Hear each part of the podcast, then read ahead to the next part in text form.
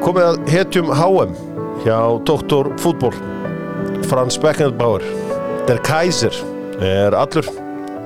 Hann lést á mánudaginn 78 ára gamall. Frans Beckenbauer er líklega besti varnamaður sögunar eini varnamaðurinn til að vinna Ballon d'Or tvísvar vann EM, vann HM vann meistaradildina þrísvar í röð. Fór með fótboltan til Ameríku. Stýrði Þíska landsliðs, landsliðinu eh, til heimsmeistaratittis á Ítalíu 1990 og í úslitt 86 og var svo rændur á heimavelli 1988 já, rændur eða ekki rændur Stefán Pálsson og uh, kanslarinn sjálfur hjá mér uh, velkonir báðu tveir Dr. Fútból uh, gerir þetta með uh, Amerikan Style, lengjunni og orku náttúrunar fyrir þá sem vilja vera með Dr. Fútból liði þeir uh, vestla hjá þeim sem eru með Dr. Fútból í liði svo það sé alveg á reynu Stefán uh, Frans Beckenbauer er fættur 1945 í Þýskalandi Já, Hvern- hvernig- það er ekki besti staðurinn til þess að fæðast eða tíminn. hvernig var Þýskaland 1945? Þýskaland er náttúrulega bara alveg í, í rústum eftir uh, stríðið. Uh, þó reyndar kannski, uh, valdan sér nú kannski skástastaðin til þess að, fæðast þarna einmitt í bæjaralandi uh, á svona þessu stórmunhjansvæði sem að fóru nú miklu skár út úr uh, loftarásum uh, bandamanna sem hafa ég sagt að svona munn búar hafi rauninni aldrei fattað það þegar við tapað heimstyrjöldinni sko, að því að, að, að, að svona áhrifin að geta ekki alveg jafn mikið, það verður ekki alveg jafn svona svæsið hernám en uh, þetta er hark og ég mun og hann er ekki af, af, af efnafólki uh, komin uh, pappans var nú mér að sé ekki sérstaklega vel við það að hann var að eða tímanum í eitthvað boltaspark sko. Nei. það var bara ábyrðalaust í, í, í, í Þískalandi þarna sem að er, að er að byggjast upp. Það er ótrúlega harðir þjóðverðarnir því að þeir komur þessari styrjöld og verða heimsmeistra 1954 sem er alveg ótrúlega merkilegt. Þú veist, ef maður bara svona setur þetta í samengi með land sem einhvern veginn í, er einhvern veginn í rústum. Sko Sigur Þjóðverja á HM 90, 1954 er bara bara á plani við það þegar Grikki verða Európumestarar eða eitthvað stíkt ef að Þjóðverjar hefðu semst, það, það er unni bara út af því sem gerðist síðar með Þískaland Já, þá, þá einhvern veginn finnst okkur þetta ekkert merkilegt vegna að við lítum bara yfir einhverja meistararæðir og það er ekkert spes að Þískaland hafa orðið heimsmeistari í fótbolta. En á þeim tíma þá voru þetta bara sko langsamlega óvæntustu úslit, þetta voru lang óvæntustu heimsmeistararnir. Þannig að það má verið færa, færa rauk fyrir því að þetta séu óvæntustu úslit í heimstarakeppni í sögunni. Og, og sko náttúrulega eh, Beckenbauer er náttúrulega drekkur þetta í sig sko því að, að, að HM 54 skiptir svo miklu máli fyrir vesturþjófur að hann er búið að berja það niður. Þau veru bara með heila heimstyrjöld og helfur á, á, á bakinu og, og bara enginn þorði að veifa fánanum eða segjast vera stoltur að að vera þjóðveri það breytist rosalega mikið með þessum sigri landslýsins og Beckenbauer náttúrulega bara með stjörnur í augunum ætla bara að verða sender og, og landslýsmaður uh, hérna, kanslari sko, bæjan er ekki stóra lið í munn hérna á þessum tíma. Uh, þá er það 1860 Já, já. og bæjan eru til dæmis ekki í stopnun deildarinnar, það er að segja búndislíkurar á sínum tíma. Nei, nei, Uh, Frans, hann, hann elst upp sem stundismar 1860 jú, jú, þeir voru, voru til dæmis náttúrulega búndislíku meistarar á undan við þriðju meistararnir eða eitthvað líka.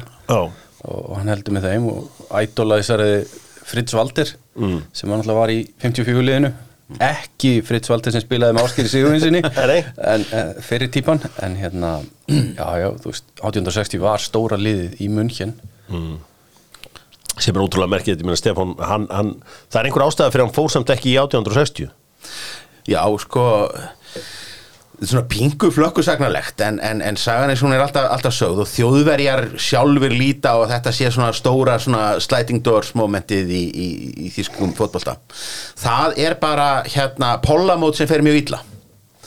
Það er bara uh, hérna Beckenbauer er þarna í bara rosalega efnilegu strákaliði þarna í München og, og svo var það náttúrulega bara ljóst að svona undir, undir fermingu að, að þá færu menn úr svona litlum strákaliðum og gengju til liðs við stærri klúbana mm. færi unglingastarfi þar og sagan segir það að, að, að Beckenbauer hafa aldrei séð annað fyrir sér heldur en að fara svo bara og, og uh, spila með 860 Já. svo leikur þetta er þetta einhvað munnhjænar uh, mót sem að, að hann er bara 12 ára eða 13 ára og, og liðið hans uh, lendir í úrslitaleika á móti 1860 Já. og þar bara endar allt í áflógum og, og, og, og leiðindum og, slagsmálum. Og hann bara kemst að þeirri niðurstöð að þetta sé bara skítapakk hann ætli ekki að spila fyrir 1860 og gangi í staðin til liðs við, við, við, við bæja munn og þarna vilja margir svona segja þarna hafi í rauninni þessi þessi slagur þessara gutta hafi, hafi, hafi allir þáttarskilum það er nú samt langsótt. Já, já, það, en þetta, er, þetta er góð saga. Þetta, er- þetta er góð saga en það er sko til að ha- hafa í huga uh, það er þessi skrítna uh, það er þessi skrítna staða að þjóðverjar eru að þykjast vera áhugamanna uh, með, með áhugamennsku í knarsbyrnu uh, fram yfir 1960 Já, Sko, Búndislíkan er stopnuð þetta hvað, 61-2 Já. eitthvað, alveg hann í byrjun 7. áratúarins og þá er fyrst viðurkent að, menn séu atvinnumenn áður átti þetta alltaf heita þetta var svona eins og hjá okkur Íslandingum meðan, að meðan menn voru með bara brúnum slög undir, undir borðinu Já. uh, leikmenn jafnvel færðu sig landsluta á milli en þá var það fiffað með því að þeir voru ráðnir í einhverja málamyndavinnu eða fengu lán frá nýja félaginu til þess að í einhverju svona regional líka, svona svæðistildir einhverjar Já, já. Þannig að svona, þegar að skrefið er stíð að þá er bara valið mjög stíft inn. Það er bara, þegar búndislíkan er, er, er mynduð og þá bara þá áttu bara að vera eittlið frá munn og, og 1860 er bara tekið inn og, og, og eittlið þarna og eittlið þarna og, þar fram til göttunum en, en, en bæjarn er hins vegar að ná viðspyrnu. Og þeir höfðu nú náttúrulega að því að í dag er sko ímynd uh, ímynd bæjarinn er náttúrulega bara það þeir eru kerfið. Já. þeir eru bara hérna veist, þeir eru skatturinn eða soviski kommunistaflokkurinn eða einhvað, einhvað, Þeir eiga þetta bara. Reyna Já, þetta. En, en þeir reyna nú sjálfur þeir, þeir, þeir, þeir, svo saga sem þeir vilja segja hún leggur mikla áherslu á það að þeir voru eiginlega eitt af örfáum fótboltaliðum í Þýskalandi sem að augraði nazistafloknum fyrir stríð. Þeir vinna sinn eina titil áður heldur en að Be- að að Beckenbauer kemur. Þá vinnaði sinn eina titil þarna rétt áður heldur en nazistar komast til valda og eru sagt, eigendur liðsins á þeim tíma og stjórnendur eru gýðingar og eru bara hrekjast úr, úr, úr, úr landi og, og nazistar bara upprættu bönnuðu öllum gýðingum aðkomu að, að, að íþróttafélögum. Fljótlega í, kjölfarið er Bayern að spila uh, vináttuleik í Sviss. Þar sem að brott flúni hérna eigandin er bara mætir sem áhórandi eða heiðusgestur og leikmennin fara úr hillan og þetta var ekki alveg, þetta hefði fallega gert en ekki mjög skinsamlegt ef þú býrð undir nazískri alræðustjórn Já. þannig að bæjar var bara stimplað sem sko uh, júðavinir af hérna uh, næsta stjórninni, settir algjörlega út af sakramentinu og, og bara húrra niður uh, deildirnar mm.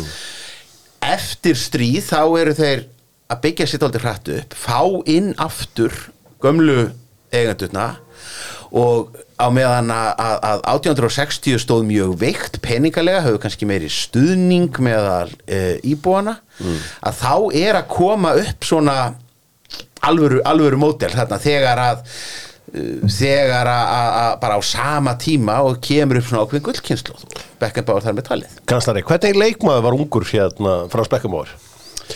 uh, hann var vangmaður þegar hann byrjaði svona spilaði svona framalega á miðunni aðla, er aðalega miðumar sem ungu leikmaður veist, við þekkjum hann svona eins mikið og við vitum um hans feril mm. meira sem náttúrulega bara sem hafsend eða, eða líberó mm. en, en svona snemma á ferlinu þá var hann miðjumæður Er svípur og lípur og ekki það sama? Það er svona, það eru deildas skoðanir um það, það fer kannski bara dálítið eftir hvað kerfi menn er að spila sko. mm. Líberó er vantilega meira svona uh, hafsend með frjálsa rullu á meðan að Svíper er eiginlega bara þriðji hafsend sem bara svona spilar í rauninni fyrir aftan að, tvo aðra þá stoppera sko. Eh, sko. Þetta er mín, minn skilningur allavega, svo getur verið að leikfræðingar segi mig vera að bulla sko. kannski merkast arleið sko, Frans Beckenbauer að meiri sér á Íslandi meiri sér bara í sko, fjóraðflokki háká eða eitthvað þá þú veist ef einhver óvæntur leikmann var að spila honum í róli heitum í vörninni þá var hann eins og Beckenbauer þú veist, veist Steppi, hann var bara eins og Beckenbauer hann inn á var, þetta, þetta var að þú veist, gamli skólinn hefur notað þetta í mörg, mörg ár og það hefur alltaf verið sko, ef, þú getur bara ekkert sendt boltan á vörninni þá ertu alltaf eins og Beckenbauer Já, já sérst, ef þú varst varnamaður sem gast eitthvað gert með boltan, þá varstu bara svona nettur Beckenbauer eða líp, bara þessi verður geggjað svíper eða, Já. eða notuðu við ekki meira svíper hérna á Íslandi orðið, Jú. heldur en líperó En skilin náttúrulega ver, er náttúrulega ennþá drastiskari á þessum tíma vegna þess að ég meina, varnar menn fóru ég meina, varnar menn fóru í gegnum bara ferilinn án þess að skora mark Já. Þú veist, uh, hafsendarnir eða voru nógu stórir fengi að fara fram í, í, í hotnum en aðrir heldur sig bara á sínum stað. Voru bara í vörninni. Voru bara í vörninni og, og, og ef þeir uh, ef þeir náðu í boltan þá bara komur honum frá sér og helst út af.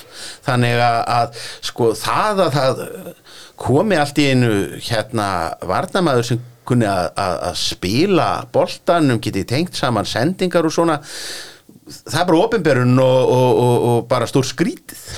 Eh, hérna, Frans Beckenbauer. Var pæjanir á margan hátt, hann leik með mörgum auðlýsingum, hann uh, söngin á lög og þetta er lag sem að söng þegar hann er tvítur með Þískalandsliðinu, hann er auðvitað aðmaðurinn í, í, í læginu og í liðinu. Þetta er lagið Gute Freunde. Gute Freunde kann niemand trennen. Eða góða vini er ekki að það stýði sundur. Eða hvernig sem að hérna, það er þýtt nákvæmlega. Þetta er hugljúft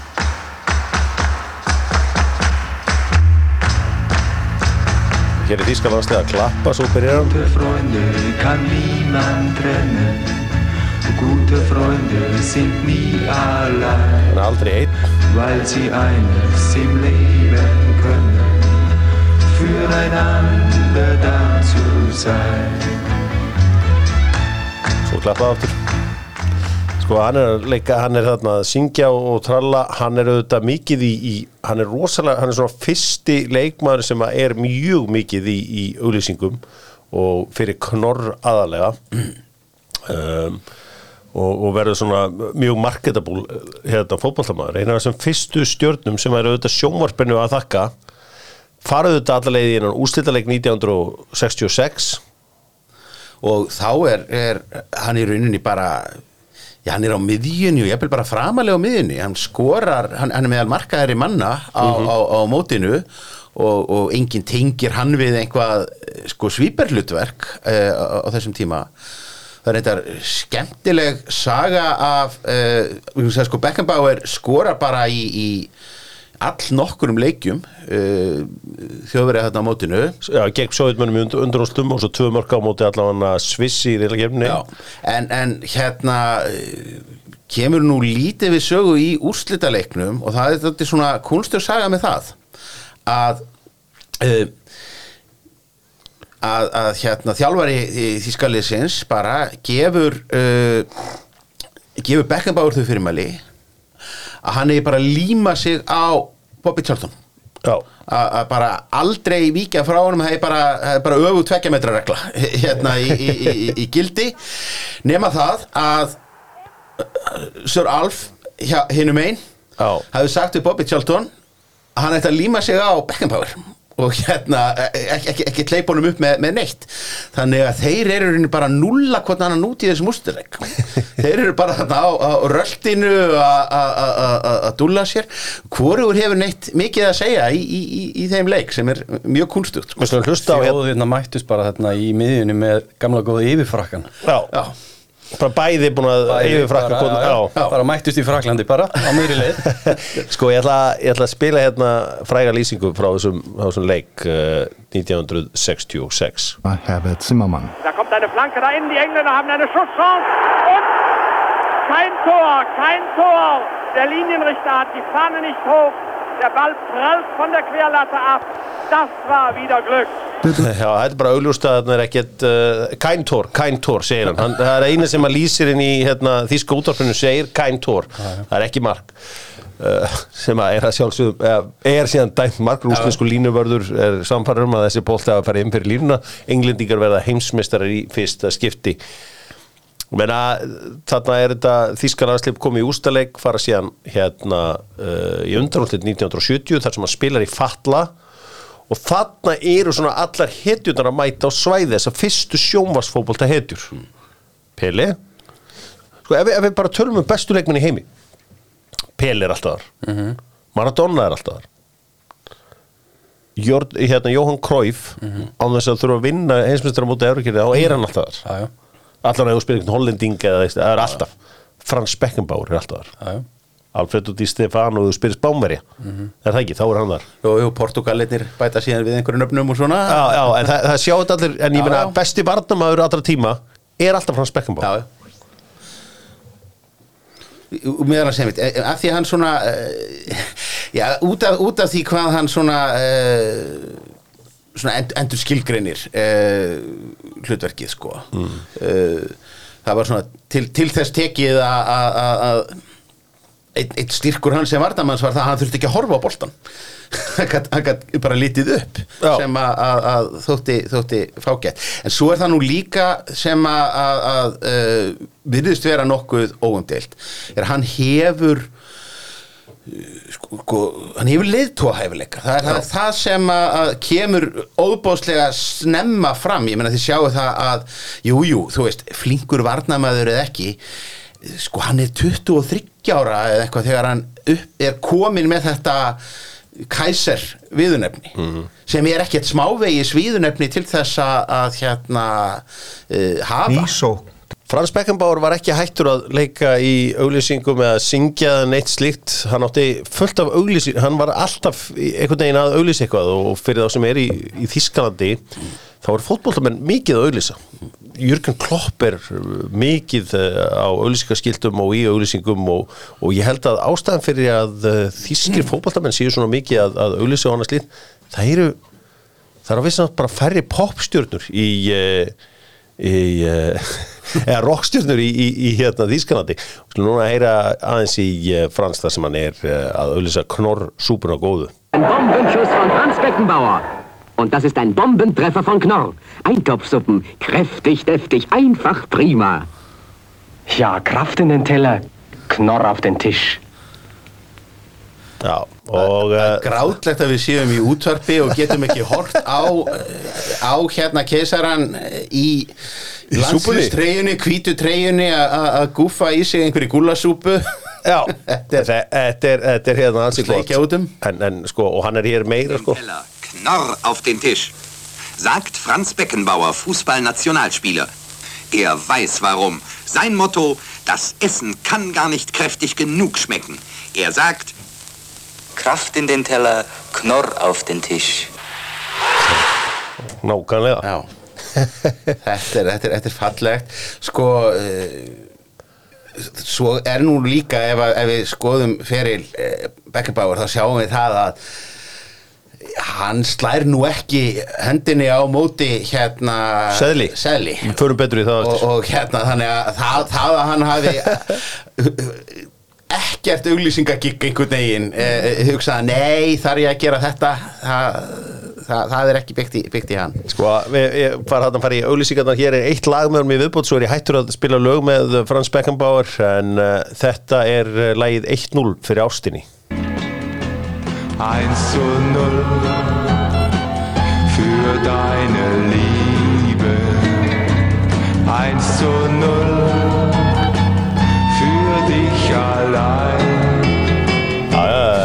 já, mikið rómatik líka og, og alls konar, ég meina, ákveður var hann kallað keisarin hérna, uh, kanslari Já, það fer, með það. fer tvennum sögum á því hvað sé raunverulega ástæða. Um, hann er að spila einhvern byggarústæðuleik hvað, 69 mm. múti Sjálke og þar er í Sjálke-liðinu er einhver uh, snillingur að nafni Reinhard Libuta sem að var kallað Kongurinn og hérna, Stefán, hjálpaði mér aðeins með þetta hvað er þetta sem hann gerir Já, bara- Já, þennan- bara jarðar hann held ég og, og ég meina, hver, hver getur unni kong? Ég meina, það er þá kessari já, já, akkurat. þetta, er, þetta, er, þetta er ágætis Svo, svo veldur maður líka fyrir sér sko Ég meina, er ekki bara mjög rökrétt að dóminerandi leikmaður ég meina, þú veist fá, það, það er einhvern ekkert skrítið að, að, að þú sért kallaður keisari mm. Þannig að það að þú þurfir að búa til einhverja sögu í kringum það já, er kannski frekar skiljanlegt í ljósi einmitt þess að þjóðverjar eru kannski svona pingulítið sko viðkvæmir fyrir eh, svona viðurnefnum nýbúnir að vera með fóringjan hérna, jú. Já. þannig að, eh, svona til þess að þetta hljóm ekkit svona ofasistalegt þá þarf að búa til einhverja sögu já nei það var að því að hann fór svo illa með einhvern sjálkumann hérna, eða, eða því að hann pósaði við hliðina á einhverju þú veist. Þetta er flottasta nafn í heimi Der Kaiser. Og svo fær hann náttúrulega bara þetta verður náttúrulega bara vörumerki og ég minna að það er til Kaiser, Kaiser 5 hérna, Adidas takkaskór Ka- Sko, Frans Beckenbauer er fyrst íþróttumæður sem er svona algjörlega tengdur einhverju fa fatamerki. Já, já. Þú veist, langt á undan einhverju Michael Jordan og einhverju svona, þú veist, ég meina Pele og Puma var ekkit sterk tenging. Nei, nei. Veist, og- kannski Jordi, Jóhann Krói Adidas var ekkert þekkt fyrir neitt annað heldur en skó fyrir þegar að 67 þegar þeir henda Beckenbauer bara línu út svo að segja og fara að framlega eða sérst fjöldaframlega klæðnað mm. íþróttagalla og alls konar sem að þú veist, fólk að þá keift í búðum sko. Þannig að því leiti náttúrulega eh, sjá- sjáum við það einmitt að, að það er aldrei þetta að speikla svona eh, bara sögu Þýskalands eftirstríðsárana í lífi og, og, og ferli Beckenbauer sem eitt sko byrjandi þarna í, í blankveitunum og baslinu eftir stríðið svo byrjar þetta þýska efnags undur að byggjast upp með einmitt fyrirtækjum eins og Adidas og Puma sem eru bara leiðandi á heimsvísu í markaðsetningu á uh, íþróttavörum eru bara með logo og eitthvað sem að þú, þú þekkir sem aðri framleiðandi voru ekkert með. Nei. og þannig að, að, að þýleitir að réttum aður á, á réttum stað. Sko vissulega, er gaman að brosa af þessum upptökum af þessum hérna sigur sætu væmnu lögum sem hann er að spila. Já. en þetta nefnilega kjarnar líka annað. Að sko það er, það er rosalega kultúrmunur inn, innan Þýskalands. Uh, og uh, Beckenbauer, þú veist, hann er úr uh, söðrinu, hann er úr bæjaralandi þar sem að menn eru hægri sinnaðri, konservatífari uh, gildi, reyndar lendir hann nú í smá vandræðum, hann er settur út úr unglingalandsliðin á einhverjum tímapunkti því hann barnar kærustuna sína og ætlar ekki að giftast henni. Og það, það þótti Þýska knarsbyndu sambandinu vera brottrækstrasök það þurfti að lempa menn til þess að hann fengi að, að halda áfram að spila. En svona þar fyrir utan að þá er uh, Beckenbauer er einmitt bara svona íhaldsama hægri þýsku gilda og svona síkur sæt uh, tónlist. Á, á, á meðan að svo voru kannski frekar í norðrinu vorum við með uh, borgir þar sem að menn voru að hlusta á bílana en ekki Cliff Richards og, og hérna uh, og við sjáum þessa svona tókstreitum svo inn í þýska landsliðinu.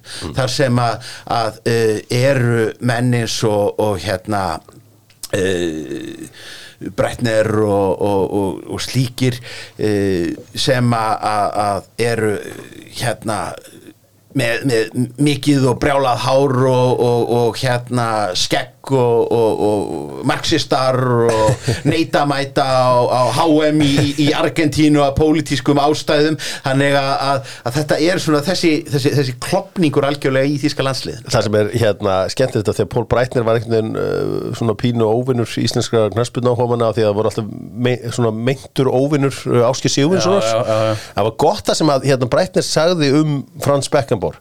Frans Beckenbauer gerði allt það sem góðu þjóðveri á ekki að gera hann skildi við konuna, hann fór frá börnunum. Hann sveik undan ska skatti og hann fór aftur frá hinni konunni og hinum börnunum Já. og byrjaði upp á nýtt og flutti í burtu og drullaðist til New York. Hann gerir allt það sem að góðu þjóðveri á ekki að gera.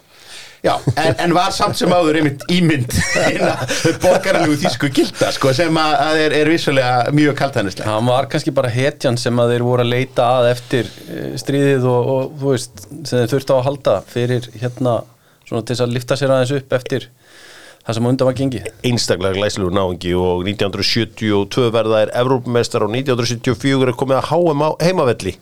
Uh, HM á heimavelli uh, það var auðvitað miklar kröfur gerða til þýska liðsins á þessum tíma og þeir áttu bara að verða hinsmestara það var svo sem ekkit annað í bóði það sem að hins vegar setur blett á mótið er uh, hriðjverka árós á olimpíuleikana 1972 palestínski hriðjverkamenn ríðust inn í olimpíuþorpið og uh, það átt að vera svona olimpíuleikar nýja Þískalands, það sem að voru engir vopnaði verðir, þú fegst í bestafurlægi knús þegar þú komst inn í olimpíuþorpið uh, og, og uh, náttúrulega setur þá olimpíuleika í allt annað samingi og öryggiskeslan í kringu Þískalandsli 1974 er eins og Beckenbauer sagði óþólandi þeir voru þarna einhvern veginn bara fastir inn okkur og það enda síðan með þeir tapa fyrir austuþjóður með riðlakeppninni sem að einhverju heldur að það hefði verið viljandi eða eitthvað sko. En það eftir það verður allt vittlust og þá eiginlega tekur Frans Beckenbauer samkvæmt einhverjum stjórnin á liðinu. Ok. segir bara, herri burtu með þessa gæslu ef þeir vilja taka okkur þá taka þeir okkur bara Já. og bara förum að spila fótbolta. Um, Já, munum, munum byrta aldrei saman um það og líka bara að það er sko peppræða hans yfir, yfir liðsfjölugunum sko uh, sem að, rífur menn upp eftir, eftir austurþíska leikin það voru ekki, það var ekki ekkert hérna stjórinn sko.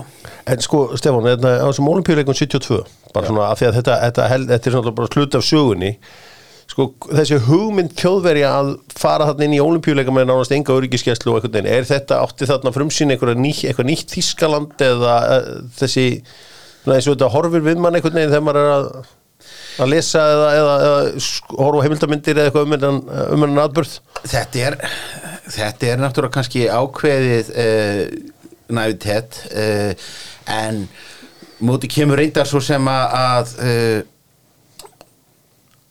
að, að, þetta eru hriðverk sko sem að beinast að uh, þetta eru hriðverk sem beinast að ísraelsku íþróttamönnunum Já. og, uh, og PLO hafði nú ekki verið mikið farið að beita sér sko utan uh, utan heimalandsins Já.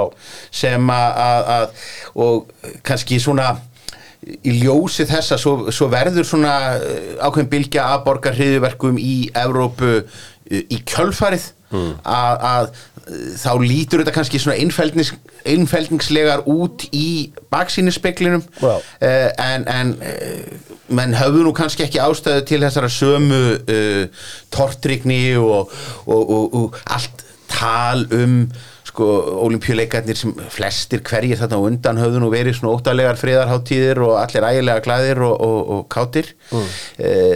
þetta er náttúrulega síðan eh, má svo sem segja að, að eh, svo er það bara hrína af, af röngum ákvörðunum og mistökum örgislauraglunar mm. eiginlega er það sko það þíska örgislauraglan sem drepa flesta gíslana sko í, í misefnuðum tilraunum til þess að, að, frelsa þá. Sko, það var einn maður hins vegar sem grætti á þessu stofufangilsi eins og þeir kölluðu þetta 1974, það var Úli Hönnes það var þannig að þú gast keift mynd af Úli Hönnes af einhverjum vínans og svo borgar um ákveðin penning fyrir og hann áritaði þetta. Þannig að Úli Hönnes var upp í herbyggi skrifaði allan daginn og, og bara hafði ekkit betra að gera heldur en að senda fólki kveðjur á mynd af sjálfum sér og hann var svona algjör pæjonýr í að sækja peninga. Eitthvað sem átti eftir að fylgja honum alla hans uh, æfi Já, hann hataði séðin En sko, við við skulum heldur ekki gleyma því líka hvað, hvað hérna þessi upplifun uh, þýska liðsins af því að þeir væru bara í einhverju fangelsi og gíslingu og hvað það væri glata að vera lokaðurinn á herbergi Já. sem er nú sennilega bara normið á öllum stórmótum í fótbolta í dag. Að, að hérna menn eru bara lokaðurinn á einhverju, einhverju hóteli og, og, og hafa þarna einhverja sundlaug og svo er með bara í Playstation en stórmót í fótbolta fram að þessu og heimsvistrakefnir hafði þetta bara þýtt leiknum. Og rauninni, rauninni er alveg makalust hvað menn voru í, í, í hérna að bara sko djamma með, með, með áfengi og stelpum sko hérna á þessu stórmótum hvað það heldur lengi áfram sko. Það var ekki að háum í Mexíkó það sem að varamarkur í Þýskalið sem svo næstu druknaður í sundluðinni Jú, jú, og, og, og, og hérna hollendingarnir voru, voru hérna, það var nána stanslust partí á þeim allan tíman þarna, 78 Ég man nefnilega eftir að uh, sko, handbóltamenn heldur í þessu gömlu góðu gildi. Ég, það var sem sagt uh, eldri bróðu vírum míns var hérna barþjón þar voru hérna frakkar hann var oft bara nýbúin að horfa á því sjónvarpinu og svo voru þeir mættir bara til hans. Uh, sem sagt þeir auðvitað heimsmeistarar í, í Reykjavík. Það var hérna gerð sér glaðan dag eftir, eða gla, gott kvöld eftir Eru leik frábæri kefni Skólasistur mínar í mentaskólanum í Reykjavík. Gerðu, gerðu þessu franska liði góðskil. Já, gáðu, þetta voru bara skemmtileg strákar og uh, það er hérna, þannig voru stórmótin í gamla dag, þjóður er verið heimsmyndstara þarna og he heimurum mildi að Jóhann Kræf myndi vinna þetta. Já, væri við að tala um Frans Beckenbauer svona mikið í dag? Ef hann hefði ekki klárað þess að heimsmyndarkefninu 74 er þetta ekki vartum að verður að vinna HM til þess að einhvern veginn fá þennan staði í sögunni erfitt að segja sko en Sko, sko Evróputítillin tveimur ári fyrir hefði ekki gefið honum neitt. E EM hafði ekkert þá stöðu sem að að það hefur í, í, í dag. Þú þurftir að vinna HM e, klárlega. Það sem hann hefði þó alltaf haft er það að e, það- hann, hann er líkilmaður í þessu bæjarliði þessi ára á, á undan mm. bæjarmun hér sem hafði haft einn titil áður heldur en að- eh, á, fjóruð áratugnum Já. áður heldur en að, Bekkabáður fer með þeim upp í uh, búndeslíkuna hvað þeir vinna 67 fyrst og svo þrjá titla í röð þarna snemma á uh, 8 áratugnum verða Evrópumeistarar líka í þrísar í röð þrísar í röð, já. og, og hérna uh, og þetta vel að merkja. Sko uh, eru þarna fremstir meðal jafningja. Uh, og, og, og þjóðverjar gátt alveg þólaðum þetta. Ég meina í dag erum við þeirri stöðu að bæja munn er sem sagt búið að vinna 32 titla frá árið 1967 þeir eru bara búin að eiðalegja þetta. Uh, þannig að, að, að það eitt og sér hefði nú alveg geta fleitt honum dálítið langt. Og, og það að hversu svona almennt er viðurkent að hann hefði í rauninni skapað þessa nýju stöðu sem að, að, að er, er þessi ja, svona, komið á kortið þessari, þessari uh, svíperstöðu en þú verður dálítið að vinna HM. þú verður að vinna HM eða vera þeimun meiri típa. Og Krauf var alltaf típan bæ, eh, hérna Beckenbauer er miklu uh, rúðustrykari gaur í alla staði Nú erum við búin að kveðja allar þessar hetjur sem að einhvern veginn opnuðu er svona einhvern veginn upp á fótboltans það er að segja sjónvarpið því að það er engin leikmaður mikilvægir í sögu fótboltans en sjónvarpið mm -hmm. veitir hvert ég er að fara? Já. Og sjónvarpið er bara það mikilvægast sem hefur komið fyrir fótboltan já, já. og nú erum við búin að horfa eftir besta leikmann Englands Bobby Charlton fara nú fór Jón Kræf núna fyrir f- fjórum, ja, ja, sjöttur 2016 já, held ég. já, þetta er orðið mörg ár síðan. Ég meina, við vorum að horfa á eftir hérna já.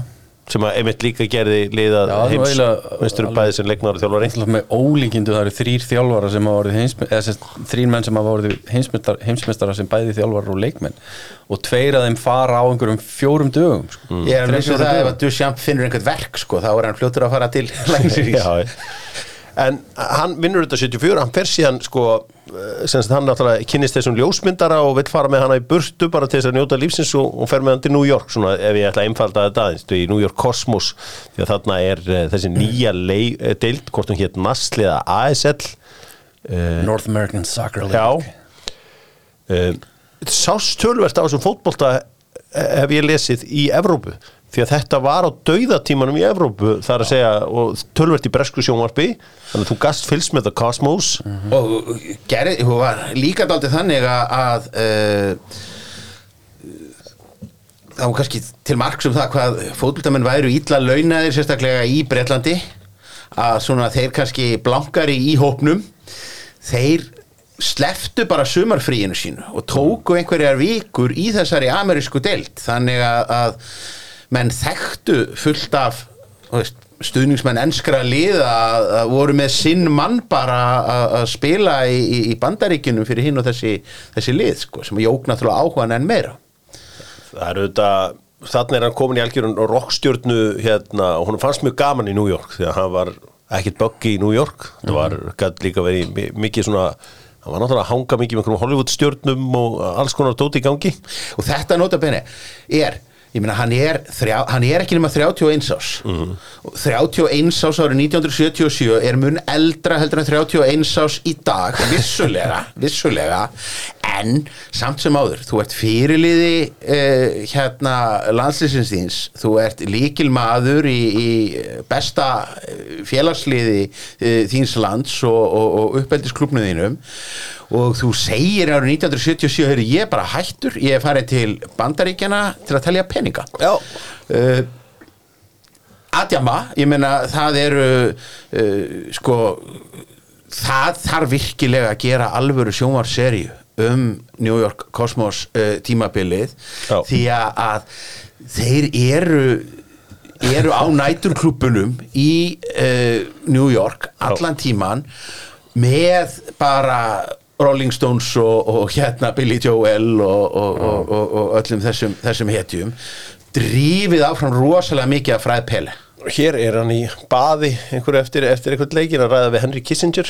Já, þetta skuld. Þann, það gæða blóða eins og þú gerir.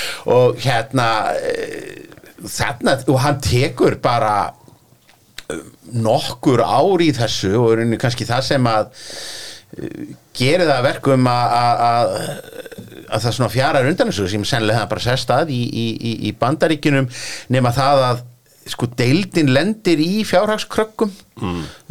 eftir að Pele fer þá er erfitt að halda uppi þessum, þessum, þessum dampi mm. Og enn þá er þetta áhörundasport þetta ge- gengur út á það að sapna fólki inn á leikvanga en Já. ekki einhverjar hérna miljandi sjónvarstekjur eða, eða auglýsingasamningar. Uh, hann, síðan kemur þetta skrýtna múf þar sem hann fer í Hamburger sportfræn og uh, þeir vinna búndislinguna sko hann þú, þú lístir í ágætlega að þú segir að þetta verið svona sem það er að Gummi Steins var með vikingunum já, en, en það að Gummi Steins var í risa hlutverki sko, hann var eldi markaðustur já eh, Leikmaður mótsins og Já, það sko, Já, en þetta er, þetta, er, þetta er samt eitthvað skrítið sko, að, að, hérna, ég meina Gummi Steins náttúrulega eins og, eins og uh, meir, drjúur meira hluti þessa borð skiptur vottað. Er náttúrulega fyrst og fremst bara framari og, og við tengjum við það. Og þetta er svona skrítið að hafa þetta á hérna uh, ferilskráni Að er sárt að hugsa um þetta sko. Þetta, þetta, svona, þetta rifjaðist upp þegar að maður sá hérna uh, sko Twitter kveðjuna frá HSVaf uh, við, við fráfætt Beckenbauer það sem að þeir bara svona kvöttu gamla Hamburger legend Beckenbauer og maður lasi þetta og hugsa, "Bíddu, þetta er ekki rétt. Þeir verða þíski meistarann það er eitthvað sem hann hefur sem að uh, og, og svo er hann hættir hann og þeir vinna, uh, verða, vinna meistarandina eða sem það eru ekki meistaraliða árið eftir. En svo og, hann, og svo skellir hann sín eitthvað aðeins aftur til bandaríkjana svona, hann er bara, bara svona rétt þegar hann er að pakka. Svo gerist það á stóru undarlega atbyrju 1984 að uh, Þískalandslið uh, dettur út í reyðlakefni í Eurokefni uh, á EM 84 í Fraklandi þá eðlaði þjálfarni Reykjinn og Beckenbauer er sóttur. Og Beckenbauer fer með liði allavega úslitareikja á um 86 og ég meina að liðið var ekkit samfannandi í reyðlakefninu og svona haltraði í gegn. Mín tilfinning er svo, ég er náttúrulega bara 6 ára þarna. Þannig að, og, og svona ábyggilega margt ekki, af það sem er ekki vanmeta þessa Nei, tilfinningu. Nei Í kringum mig heldu allir með frökkum í undanústaleiknum mótið þjóður Já, já. Er það ekki þannig? jú, jú, jú, það var bara þannig. Já, Líka bara hefna fyrir ófarinnar 82 þarna í þessum frægarleik í Sevilla þarna. En voru enn að hugsa um tennutana spatti stón sko. Og, og þjóðverjarnir sko uh, voru með leikmenn sem að, að voru bara teiknum þetta illmenni sko og hérna uh, svo var einmitt svona uh, vitlisisgangur eins og, og hérna var getið um aðan sko fyllir, fyllir í á hótelinu og, og, og annað, annað þess að þar ráðningin á Beckenbauer er náttúrulega mjög, mjög merkileg. Ég menn hann hefur enga þjálfaraneslu ég menn það er ekki en, en, en það sér maður það alveg að þegar knastbyndinsambandi hefur sest niður og fundað með honum þá hefur enginn komið og spurt sko beti hver er þín fótbolta filosófía og svona? Þetta er bara þú ert Beckenbauer Þeir voru bara að leita leiðtóða, það er alveg ljóst Náttúrulega líka einhvern veginn á bekknum glæsilegur, ég menna já þeir fara að njústreikin og eru óefnir þeir tapa 3-2, svo kemur að EM á heimavelli og það er þá sem að ég verði mikill stunningsmaður þýskanans af því að það held enginn með þeim og held allir með hollendingum. Það er einhvern veginn svona herti mann í bókum sem ég lesi eftir svona núna uh, þá hef ég lesið um það að þegar að nafn Beckenbauer kom upp á skilti í fyrsta reiknum út í Ítalju þá var baulað þá, þá voru á púmur á þann stað bara á vesinu með liðið. Peran í undanúslitin eins og ég sagði í ingangnum og reyndir á móti holdingunum því að ég vildi meina að þetta var ekki víti þarna sem að uh, þjóður að fá eða sem að holdinga fá í, í undanúslitunum sem er ennþá þekktast í sigur sögu Hollands og sögur eða ljóð og bara bíómyndir og, og lög hafa verið gerðum síðan þá sko því að hollendingar unnu þjóður eða í undanúslitunum sem er, er meira að segja uh, mjög, mjög merkilegt ef það er haft í huga að las hérna mjög fína bók einmitt um sögu hollenska fótmáltans uh, fyrir ekki svo lengu þar sem að, að var einmitt verið að ræða um hvað það væri merkilegt að 1974 fyrir sjálfan úrslitaleikin þá voru engar vísanir í Hollandi eða umfjöllun einhvern veginn um stríðið og nú væri verið að hefna fyrir það og, og þjóðverðinni væru nazistatnir og þeir væru andspyrnumennirnir og, og, og einhvað slíkt. Og, í rauninni bara viðreik sem fóð fram í ótrúlega góðu.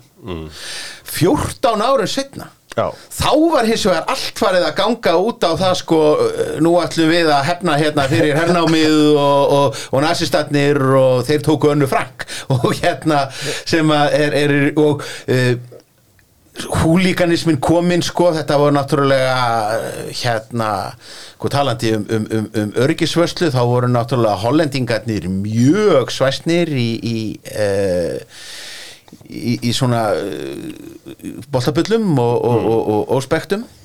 Þannig að, að, að sko trillingslegu fagnaðalætin hjá hollendingunum 88 eru þetta svona skrítin í ljósi uh, bakgrunnsins Já, þetta er, þetta er merkið en, en allan, þeir detta út í undanústum 88 þeir fara í úslalíkin 1990 og vinna hann, þetta kannski á margar áttu vestu undanúslalíkur allra tíma en þarna er þeir með besta fótbolltamann í heimi, Lóthar Matteus og þessi fræga bílferð mín og Lóthar Matteus þetta er í byrjun september eh, 2021 og hann var að segja mig frá því að það fara að stýttast í að Fransi ammali hann á ammali 11. september.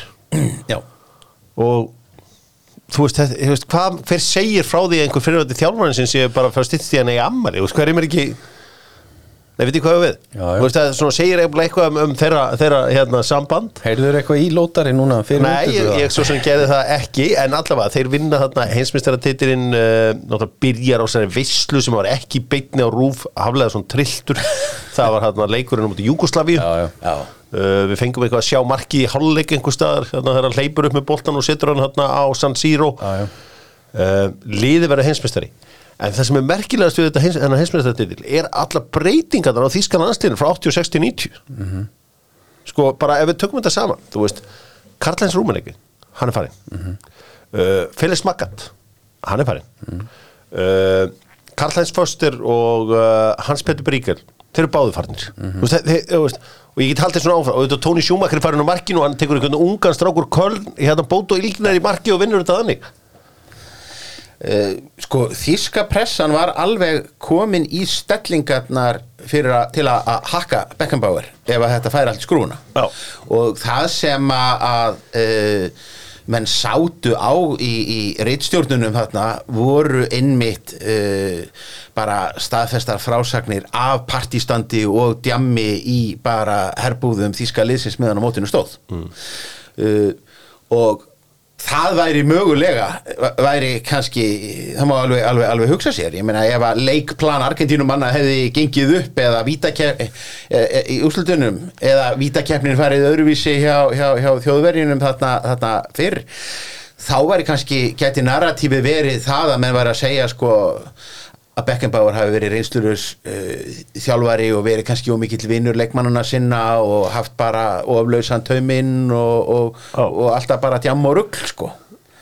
En en þegar að, þetta er úrslitabrasi. Já, þetta úr Þannig að þegar, þegar, þegar þú vinnur þá ertu bara uh, þá ertu bara kongurinn eða þessu til ekki keisarin uh, aftur maður sem er ekki hrættur við að elda seðilinn 1990 búin að leiða þjóðverja til heimsmeistaratitils og ég man alveg eftir því að þarna voru maður að spá sko verða þjóðverja ekki bara óskrandi? Þú veist, bara- það var bara að horta og er ekki, þetta er svo mikið af strákum sem er að koma og, og þetta er þessi, þessi hérna bara mekanismi eh, og eh, mekaníski teknilega fullkomni fótbolti, þú veist, þeir eru ekki bara að fara að vinna alltaf.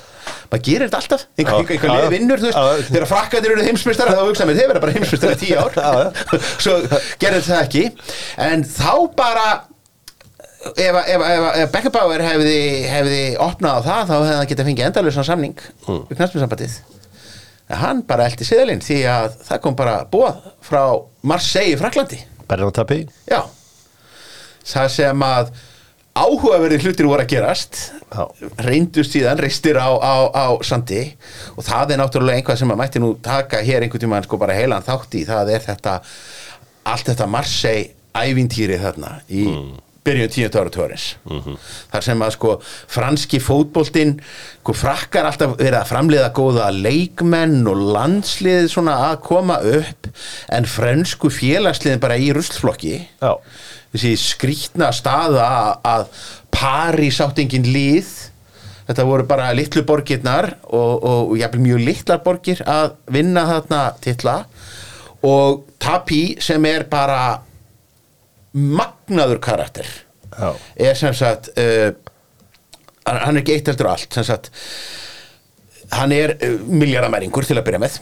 Hann sérhæfir sig í að taka einhver hérna gjaldróta fyrirtæki sem hann kaupir á, á, á rakvirði og byggja upp og, og, og selja fyrir meðtakna og hann er samlega þessu er hann að sjálfsögðu vinstri sinnaður stjórnmálamæður og bara hérna og, og, og, og bara maður sem að með voru að nefna sem bara mögulegt fórseta frambóðsefni hérna krattana í, í, í Fraklandi auk þess að náttúrulega sjálfsögðu er söngvari eins og allir sem að, að fjallaður um í þessum þætti og, og leikari og á eitt stykki fótboltafélag. Já.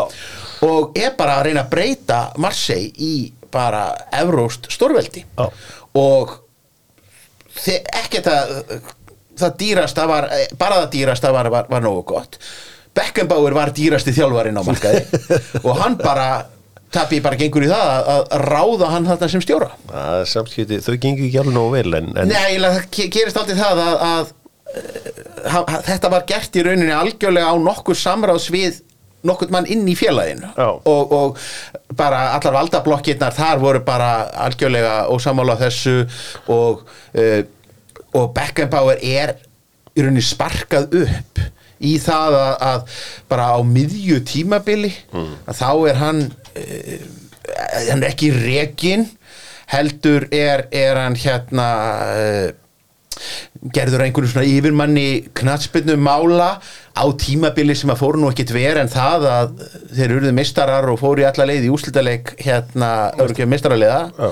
töpuð þannig verið rauðstjörnunni í, í, í, vitakefni hræðilega múslega Já, en þarna blandast náttúrulega líka inn í að meðal þess sem hérna uh, rækamurinn Tapi hafi, hafi yfirtekið í sínu businessveldi var þarna er hann tímabundið eigandi Adidas Já, sem hafði lent í smá, smá, smá peningavandræðum.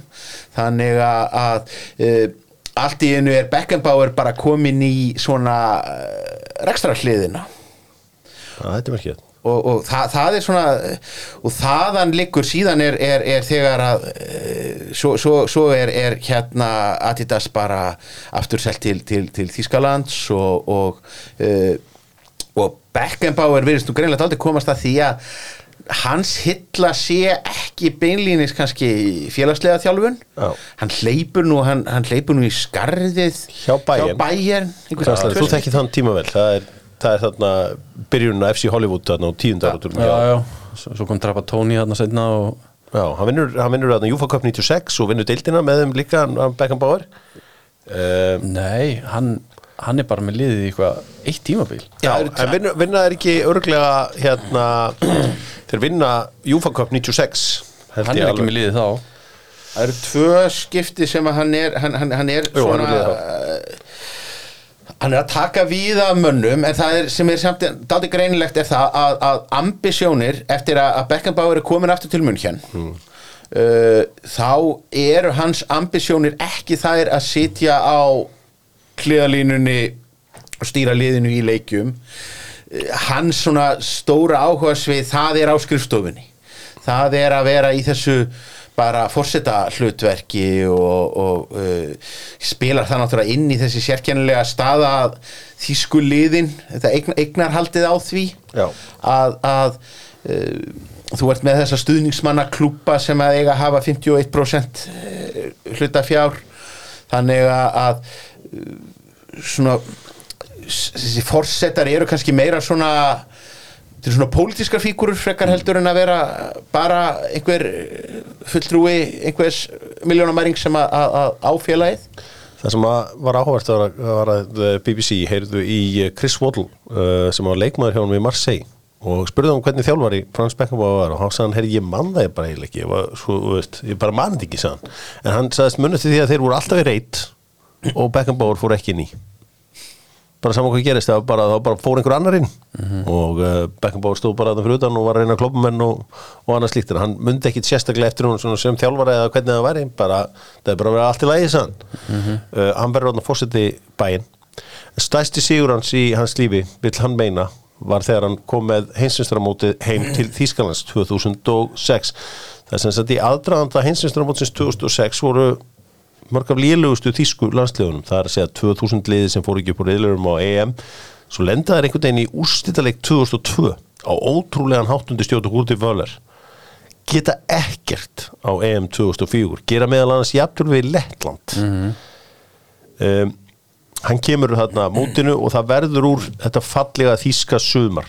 Það er að segja að þýski fánin fer aftur á loft og ef þú tala við alla þjóðverja á okkar aldri það munu allir eftir sumrinu 2006 þetta var einhvern veginn, þeir kalla þetta sommermersin, þetta kemur einhverju ljóði um, þar sem að uh, já, þar sem að einhvern veginn hefði fullkomna sumar þarna uh, lenda í þriðja sæti en það er síðan það sem gerist í eftir á töluvert síðar, já, já hann að baða sig í sviðsljósinu þarna 2006 sem Já, hann að- baða sér nú, hann, þú veist, hann Já. er líka passar að mæta á alla leiki. Já, já, ég meina og, og, og, og, ég meina hann, hann náttúrulega hafði og, og aftur, sko, sem rekstramaður er hann uh, mjög flinkur.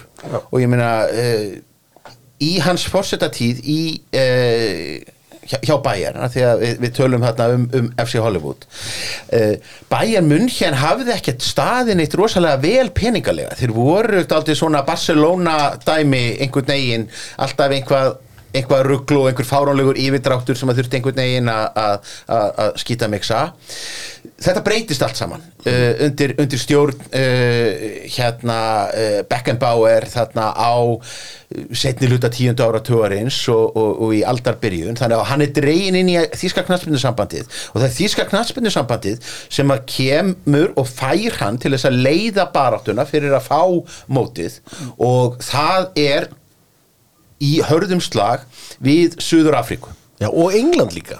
Já, englendingarnir en, en, en eins og venjulega þá eru englendingarnir þeir einu sem að halda að þeir séu inni á vellinum. Allir aðrir vissu að, að, að, að það tók það engin, engin sérstaklega alvarlega. Í raunverulegi slagur er á milli uh, Söður Afríku og uh, Þýskalands og með í rauninni sko Sepp Blatter mjög ákveðið að vilja hérna uh, koma þessu til Suður-Afríku. Uh, þannig að, að það var í rauninni við átti ramma reypa draga. Það var allt þetta hæp sko að, að hérna Mandela orðin frjáls og, og fáboltan til Suður-Afríku og, og þar fram eftir, eftir, eftir, eftir göttunum og uh, þjóðverðinir þeir vinna Suður-Afríku með einu atkvæði í, uh, í kostningunni og á þessum árum þá vitum við það alveg að þessi fámenni hópur manna sem að tók ákvörðinu um staðsetningu þessara móta notaði tækifærið til þess að smyrja vasana rækilega. Þannig að það voru mútugreiðslur og það voru loðfeldir og luxusferðir uh, ferðir og, og, og, og fínir veitingastæðir og þýskar fjárfestingar í, í heimalöndum þeirra sem að greitu atkvæði með þeim mjög strategískar og þar fram til göttunum þjóðverjar bara sko mútuðu út um hérna eh, bara út um, út um eirun sko. Uh, og líklega hefur bara Beckenbauer litið svo á að þetta verður bara reglutnar í leiknum. Og þetta var það sem þú þurftir að gera. Síðan náttúrulega þegar að, að e, farið er að fletta ofan af spillingunni í e, FIFA þá náttúrulega er þetta dreigið fram og það er farið í alvarlega lögreglur ansók uh, á hendur Beckenbauer sjálfum.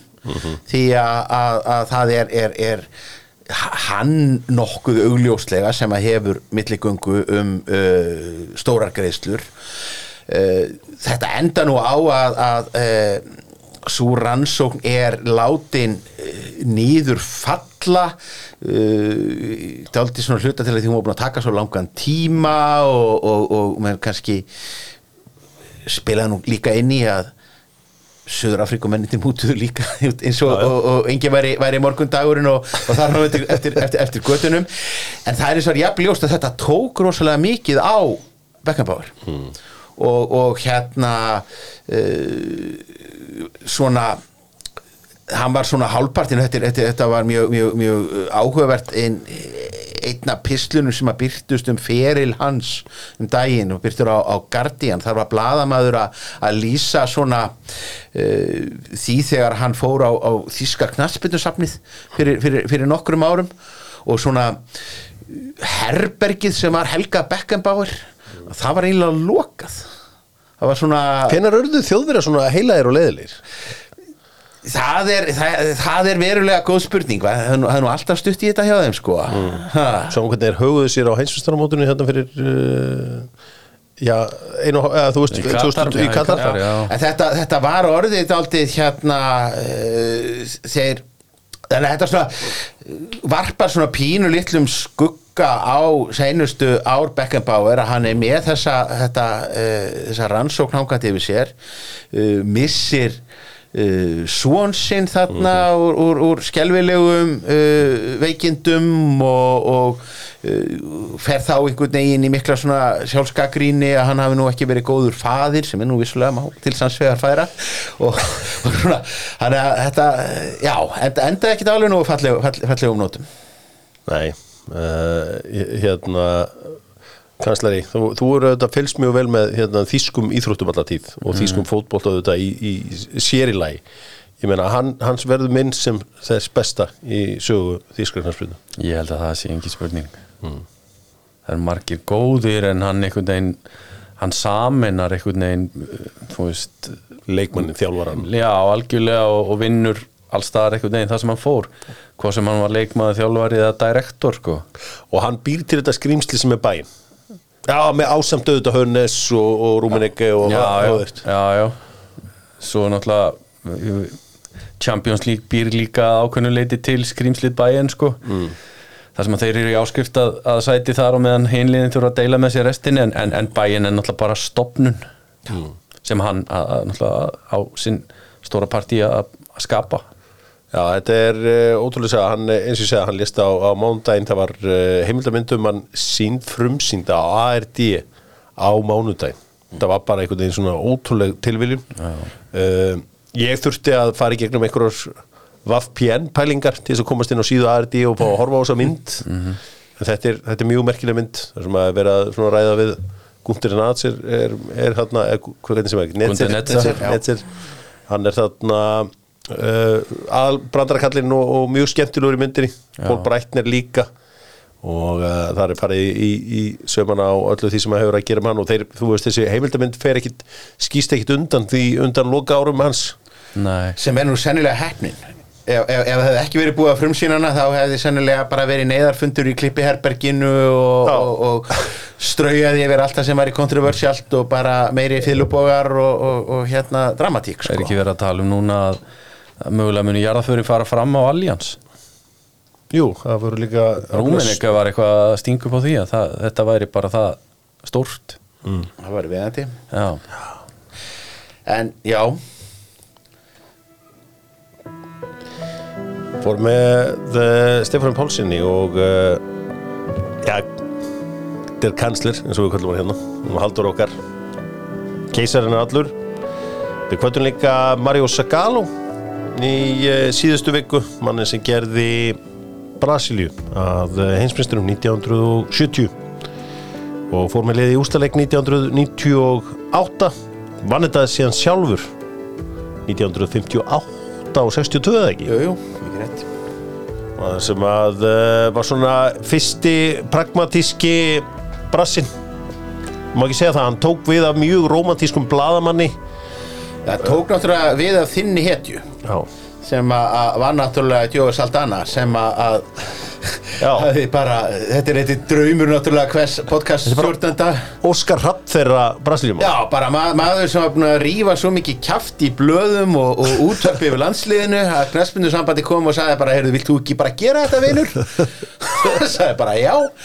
Uh, byggðu frábært uh, lið kom því á HM Mexico 1970 en var hins vegar rótækur vinstri maður í, í tíð herfóringjastjórnar í, í Brasilíu og það gerði það að verkum að það kom eiginlega bara orður frá æðstu stöðum. Þessi maður verður að fara og hérna Sakalo sem að var hins Sakalo var kerfiskallinn sko. Já. Sakalo er daldið Auðun Helgason sko sem að hérna hafði nú bara uh, unniðin á, á, á, á kontor knastmyndu sambandsins og, og, og var bara alveg til í að- að að ganga í, í, í, takt. Já. og hérna tekur hérna við. Það var annars líka dalt kostur að, að e, svona sumir af leikmönnunum höfðu bara að spila með honum. Þeim, þeim Pele lindi e, bara vel. E, en sko engin stórstjarnar sem leikmaður. Það er þú meira segja sem, sem að segir sitt um hvað var pragmatískur sko Já.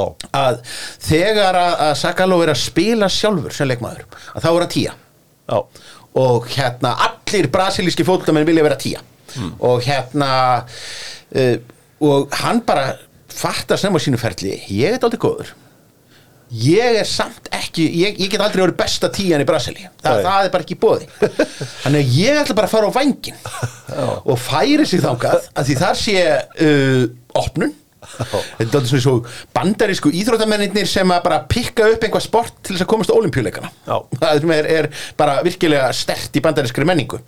Og uh, verður daldið, hann, hann stæri sér daldið af því að, að, að hafa í rauninni búið til vængmannin sem að bara hleypur upp og, og niður eftir kantinum nennir að fara aftur og hjálpa til í, í vörninni sem að var nú ekkert svona Nei. þótt ekkert sport með bakverði í því hlutverki þannig að, að, að hann tekur sagt bara við þessu, þessu, þessu liði uh, stillir upp bara uh, leikmannahóp þar sem eru sko fimm menn í byrjunarliðinu sem allir spila sem tíja í sínu félagsliði þannig að þetta er náttúrulega bara galið en virkaði. Já, heldur og, betur. og ótrúlegt uh, sigurlið sem þeir fá þarna að háa já uh, Ég meina, kanslari, hérna ekki síðu merkilum maður, Mario Zagallo Nei, alls ekki. En auðvitað bara við náttúrulega heyrðum minna á honum því að hann er í Suður Ameríku sko En ég menn hann náttúrulega er líka svona aðstofþjálfari hjá Brassonum þegar þeir verða heimsmeistar 94 sko Þannig að hérna já, já. og e, náttúrulega svo var hann náttúrulega mikið skammaði fyrir það hann er, ég aðstofa, hann er einhverju svona mjög furðulegur hlutverki sko, hann er ekki, hann er ekki technical director já, eða eitthvað, eitthvað eitthvað. þannig Já. þannig að, að honum var daldið Andlegur leiðtogi. já, honum var daldið kent um svona þá ákvörðun að hafa uh, hafa spilað á, á hérna Ronaldo, Ronaldo í úrslitaleiknum 98 sem að enginn hefur almennilega fengið botni í hvernig það, það gerðist allt saman. Nei. og, og, og eh, en, en, endalust dramatík í, í, í því öllu saman. Eh, en náttúrulega askoti svekkjandi fyrir mann með svona sífi að komið svo bara Beckenbauer og stela þér þrömmunni og þú sér bara næstfrægasti kallinn sem að deyri í sömu viku. Já. Þátt fótbolmenn halda áfram að fjalla um hetjur HM og uh, við höfum inni Jóhann Króif við höfum líka inni bræðurna Bobby Charlton og Jackie Charlton. Fyrir áhuga saman get ég mælt með bókinni Two Brothers sem er bók eftir Jonathan Wilson sem að flestir svona fótbolta áhuga menn þekkja maður sem hefur nú skrifað margar bækur uh, og eiginlega allar góðar. Hann eiginlega uh, only hits eiginlega eins og maður getur sagt hjá honum. Og uh, uh, get eiginlega ekki mælt nú mikið með þeirri bók. Kanslari og Stefán Pálsson takk hérlega fyrir að kíkja á Dr. Fútból og ræða Der Kaiser. Danke